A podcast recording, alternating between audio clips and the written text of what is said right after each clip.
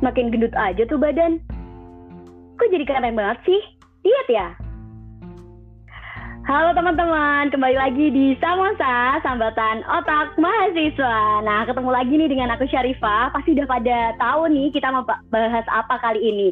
Nah, bener banget, kali ini kita bakal bahas body shaming nih teman-teman. Pasti teman-teman udah gak asing lagi sih sama body shaming, karena di sekitar kita udah sering banget kita denger-dengar istilah-istilah kayak gitu. Uh, body shaming gimana? Teman-teman orang-orang di sekitar itu mengajak orang yang lainnya yang mungkin memiliki penampilan fisik yang berbeda dari masyarakat pada umumnya gitu kayak misalkan penyebutan-penyebutan yang udah sering kita dengar tuh kayak gendut, pesek, cungkring dan masih banyak banget istilah-istilah lainnya saat, saat ini gitu kan. Nah, teman-teman, kayak Samusa biasanya, aku di sini gak bakalan ngobrol sendirian. Aku ditemenin sama empat teman aku yang bakalan sharing cerita dan juga perspektif mereka. Nah, yang pertama nih ada Herdiani. Herdiani mungkin bisa kenalan dulu, say hi sama teman-teman semua. Halo semua, kenalin Aku Herdiani dan aku 21 tahun. Oke, nah selanjutnya selain Herdi, kita juga ada Hanif nih. Hanif, bisa kenalan dulu Hanif? Halo semua, aku Hanif, aku 17 tahun. Oke, selanjutnya aku punya teman, ada Fajar. Fajar, boleh saya hai dulu nih sama teman-teman Samosa, kenalan? Halo semuanya, nama aku Fajar umurku 20 tahun. Salam kenal semuanya. Salam kenal Fajar. Nah yang terakhir ada Haji. Nah Haji mungkin bisa say hi dan kenalan dulu ke teman-teman Samosa. Halo semuanya, aku Hadi, aku 21 tahun. Oke, nah jadi aku hari ini bakal ditemenin sama empat teman aku nih buat ngobrol tentang body shaming.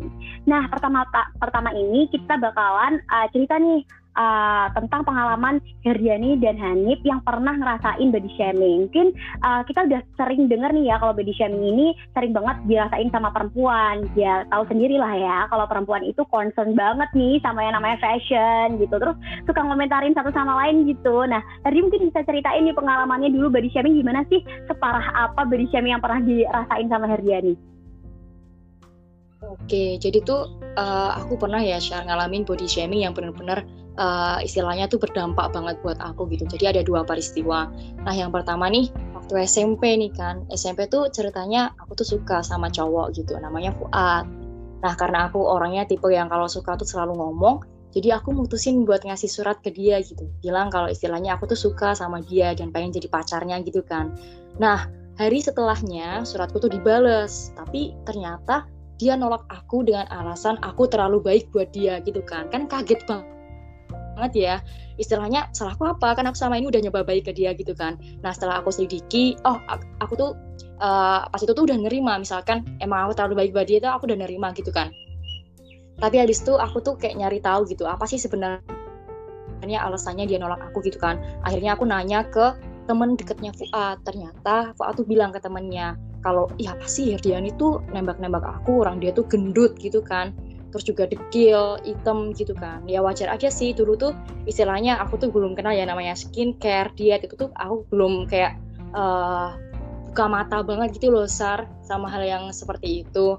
Ya udah, akhirnya gara-gara peristiwa itu aku memutuskan buat ngerubah gitu loh istilahnya aku pengen glow up gitu kan kalau kata cewek zaman sekarang akhirnya aku nyoba skincare nyoba segala hal yang uh, uh, menurut aku bisa ngebuat aku cantik gitu Nah, yang kedua nih, aku pernah juga dapat body shaming sewaktu uh, aku uh, belanja gitu kan. Nah, pas itu tuh aku tuh pengen beli baju haram gitu loh, share kan banyak kan cewek-cewek sekarang pakai baju-baju gitu kan. Nah, aku juga pengen gitu kan. Eh, pas nyampe store, uh, aku pas nyari tuh bajunya. Mbaknya tuh bilang, emang ada yang mbak ukuran yang muat sama bajunya? Wah, habis itu istilahnya aku tuh kayak apaan sih nih? Ya udah kalau nggak ada ya jangan bilang kayak gitu gitu kan. Nah setelah itu aku juga mutusin buat berubah gitu kan. Pokoknya aku nggak boleh jelek aku harus cantik gitu kan. Aku harus langsing. Akhirnya aku diet mati-matian terus segala krim yang klaimnya bisa ngebuat cantik putih gitu aku beli gitu loh share itu sih pengalaman pahit aku selama hidup ya mengalami body shaming.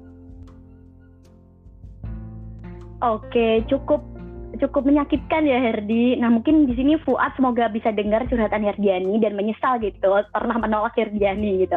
Nah kalau misalkan kita udah sering banget dengar cerita body shaming di perempuan gitu ya, coba kita dengar perspektif laki-laki. Di sini ada Hanif. Hanif coba ceritain dong pernah nggak sih di body shaming dan beda nggak sih bentuk body shamingnya sama cewek gitu? Karena kan kita lebih sering dengar body shaming di perempuan ya daripada di laki-laki. Coba dong Hanif ceritain ke kita Oke, Syarifah. Jadi di sini aku mau nyeritain di sisi laki-laki sebagai korban ya. Uh, jadi ini uh, aku alamin saat aku awal masuk kuliah.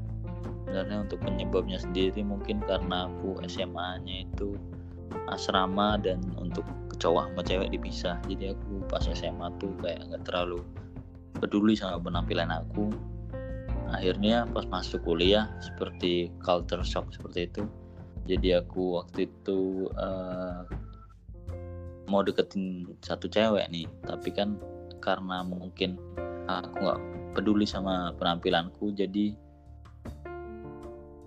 jadi aku gagal. Dan ada setelah gagal tuh ada temanku yang ngomong ke aku kayak jambangmu tuh loh dipotong. Kayak gitu gimana mau dapetin cewek seperti itu. Dan uh, setelah mendengar hal tersebut aku menjadi sadar akan memang aku yang dulu tidak apa namanya terlalu mempedulikan penampilan harus mengubah penampilan agar uh, bisa menyesuaikan diri dengan kehidupan kampus mungkin seperti itu cerita dari aku. Oke, jadi kita bisa tahu ya teman-teman kalau misalkan body shaming itu nggak cuma dirasain sama perempuan nih, nggak cuma kayak Herdi, kayak aku gitu, tapi laki-laki pun juga pernah ngerasain body shaming nih kayak yang diceritain sama Hanif. Nah, uh, mungkin aku di sini pengen tanya nih sama Fajar sama sama Hadi, menurut kalian uh, kayak ngucapin gendut, kurus gitu sebenarnya tuh fakta atau hinaan nggak sih? Terus habis itu body shaming itu sebuah kesalahan atau sebenarnya fine fine aja gitu. Nah aku mungkin pengen denger dulu nih dari Fajar gimana nih menurut Fajar salah nggak sih kayak gitu? Kalau jadi aku nih mau komentar nih menurut aku body shaming body shaming tuh fakta sih dan itu bener banget karena berdasarkan pengalaman dari Herdi sama Hanif kayak tadi Herdi ditolak sama Fuad itu bener banget. Karena Herdi ini kan pas itu itu gendut jelek dekil lah pokoknya. Jadi kayak wajar banget kalau misalkan Fuad tuh nolak dia.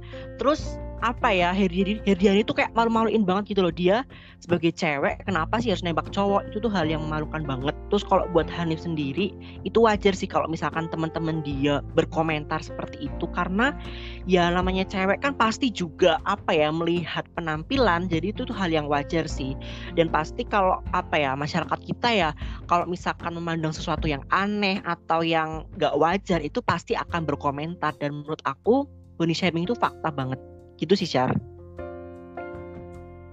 Oke, jadi menurut Fajar nih body shaming itu merupakan sebuah fakta dan fine-fine aja gitu ya. Karena orang-orang kalau ngelihat first impression tuh juga dari fisiknya dulu gitu kan ya. Kayak misalkan mau cari pacar yang cantik, yang sesuai seleranya lah ya setidaknya kayak gitu. Nah mungkin aku pengen dengar dari Hadi. Hadi punya pandangan berbeda nggak dari Fajar? Atau sama juga, maksudnya uh, body shaming itu fine-fine aja kah? Atau gimana menurut Hadi?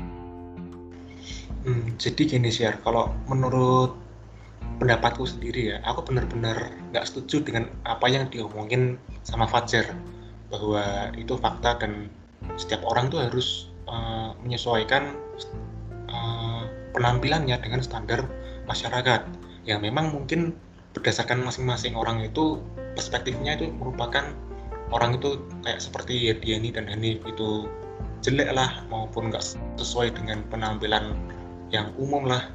Nah, uh, sebenarnya uh, ini pun sebenarnya juga fakta ya. Namun nggak seharusnya fakta itu uh, menjadi dosa besar bagi Herdiani maupun Hanif.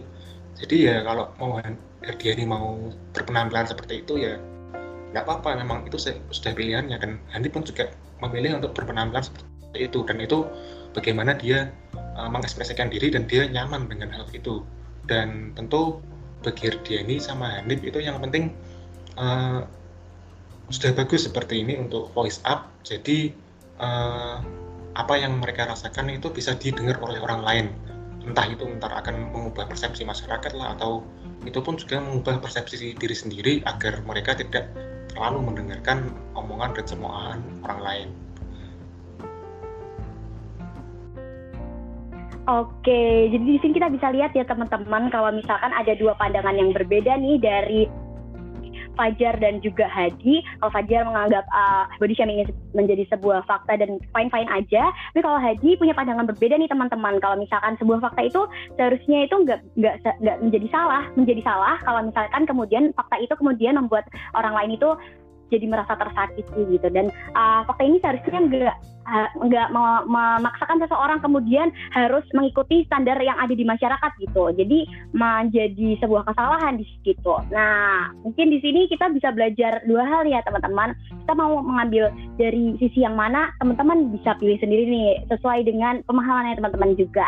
Nah uh, mungkin di sini kita bisa belajar banyak ya teman-teman. Kalau misalkan uh, body shaming ini jadi suatu hal yang umum banget di, di sekitar masyarakat. Dan kadang bahkan kita sendiri pun nggak sadar kalau misalkan kita udah uh, ngelakuin body shaming terhadap orang lain gitu. Karena apa yang kita ucapkan gitu kadang out of control gitu. Makanya tadi dari Hadi, Fajar, Hedi dan Hanif juga uh, menyiratkan bahwa apa yang kita omongin itu bisa aja uh, menjadi, menyakiti orang lain kalau cara penyampaiannya itu tidak sesuai kayak gitu.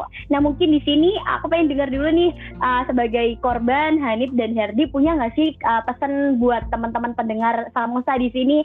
Biar teman-teman Samosa di sini bisa uh, bisa menghindari itu untuk melakukan body shaming dan juga harus tahu bagaimana bersikap kalau misalkan mereka kena body shaming. Mungkin dari Hanif dulu karena tadi Herdi udah duluan ya. Gimana nih Nip? Oke, kalau untuk pesan ya. Jadi aku mau uh, pesan untuk itu sih cara penyampaian sih itu penting banget sih. Jadi kayak teman-temanku tadi mungkin niatnya mereka baik, ngingetin aku tapi cara penyampaiannya salah. Jadi kan uh, bisa aja sa apa orang yang disampaikan atau dinasihati itu salah tangkap tapi kan karena aku santai jadi aku bisa ambil itu sebagai pelajaran lah atau sebagai bahan candaan. Jadi menurutku yang paling penting dalam nyampe apa menasihati orang atau uh, menyampaikan sesuatu itu cara penyampaiannya harus diperbaiki sih biar nggak uh, salah paham gitu. Dan biar apa sesuai target atau sesuai apa yang ingin disampaikan mungkin itu sih Oke, kalau dari Herdi ada nggak pesan-pesan buat pendengar Samosa nih? Oke, kalau dari aku nih ya, uh, mungkin kurang lebih sama kayak Hanif gitu kan. Uh, cuma yang beda ini nih, mungkin teman-teman yang lain tuh coba deh uh, kayak istilahnya ngurangin buat ngurusin urusan orang lain gitu loh. Memang sih niatnya baik gitu tapi uh, teman-teman tuh kalau maksudnya apa yang kalian omongin tuh belum tentu orang lain tuh bisa nerima gitu kan. Uh, belum tahu kekebalan hatinya tingkat orang itu kan beda-beda kan ya. Seperti itu. Terus kalau untuk misalkan untuk korban body shaming sendiri nih coba teman-teman jangan ikutin istilahnya standar yang ditetapin di masyarakat gitu loh. Uh, persepsi orang kan beda-beda gitu. Jadi misalkan um, korban body shaming ini mau menuruti perkataan semua orang ya jelas gak ada habisnya gitu tetap terima masukan dari orang lain, ambil yang benar dan jangan masukin hati kalau misalkan ada omongan yang menurut uh, korban ini kurang berkenan. Gitu sih Sar kalau dari aku. Oke, keren banget nih. Tuh, teman-teman Samosa bisa banget diambil pesan-pesan dari Hanif dan Herdi sebagai korban gitu ya. Kalau misalkan cara penyampaian tuh penting banget, terus jangan terlalu banyak nih ngurusin urusan orang lain dan jangan terlalu maksain buat ngikutin standar orang karena itu nggak nggak akan ada habisnya. Di sini aku mau bilang terima kasih banyak buat Herdi, Hanif, Fajar dan juga Hadi yang udah nemenin aku di sini nih berbagi sama teman-teman Samosa dengan ceritanya yang uh, keren-keren banget ya teman-teman. Nah gitu. Nah jadi teman-teman uh, kita bakalan ketemu lagi di sama selanjutnya dengan topik-topik yang gak kalah luar biasa. Kalau gitu, sampai ketemu di Samosa selanjutnya, sahabatan otak mahasiswa. Dadah teman-teman.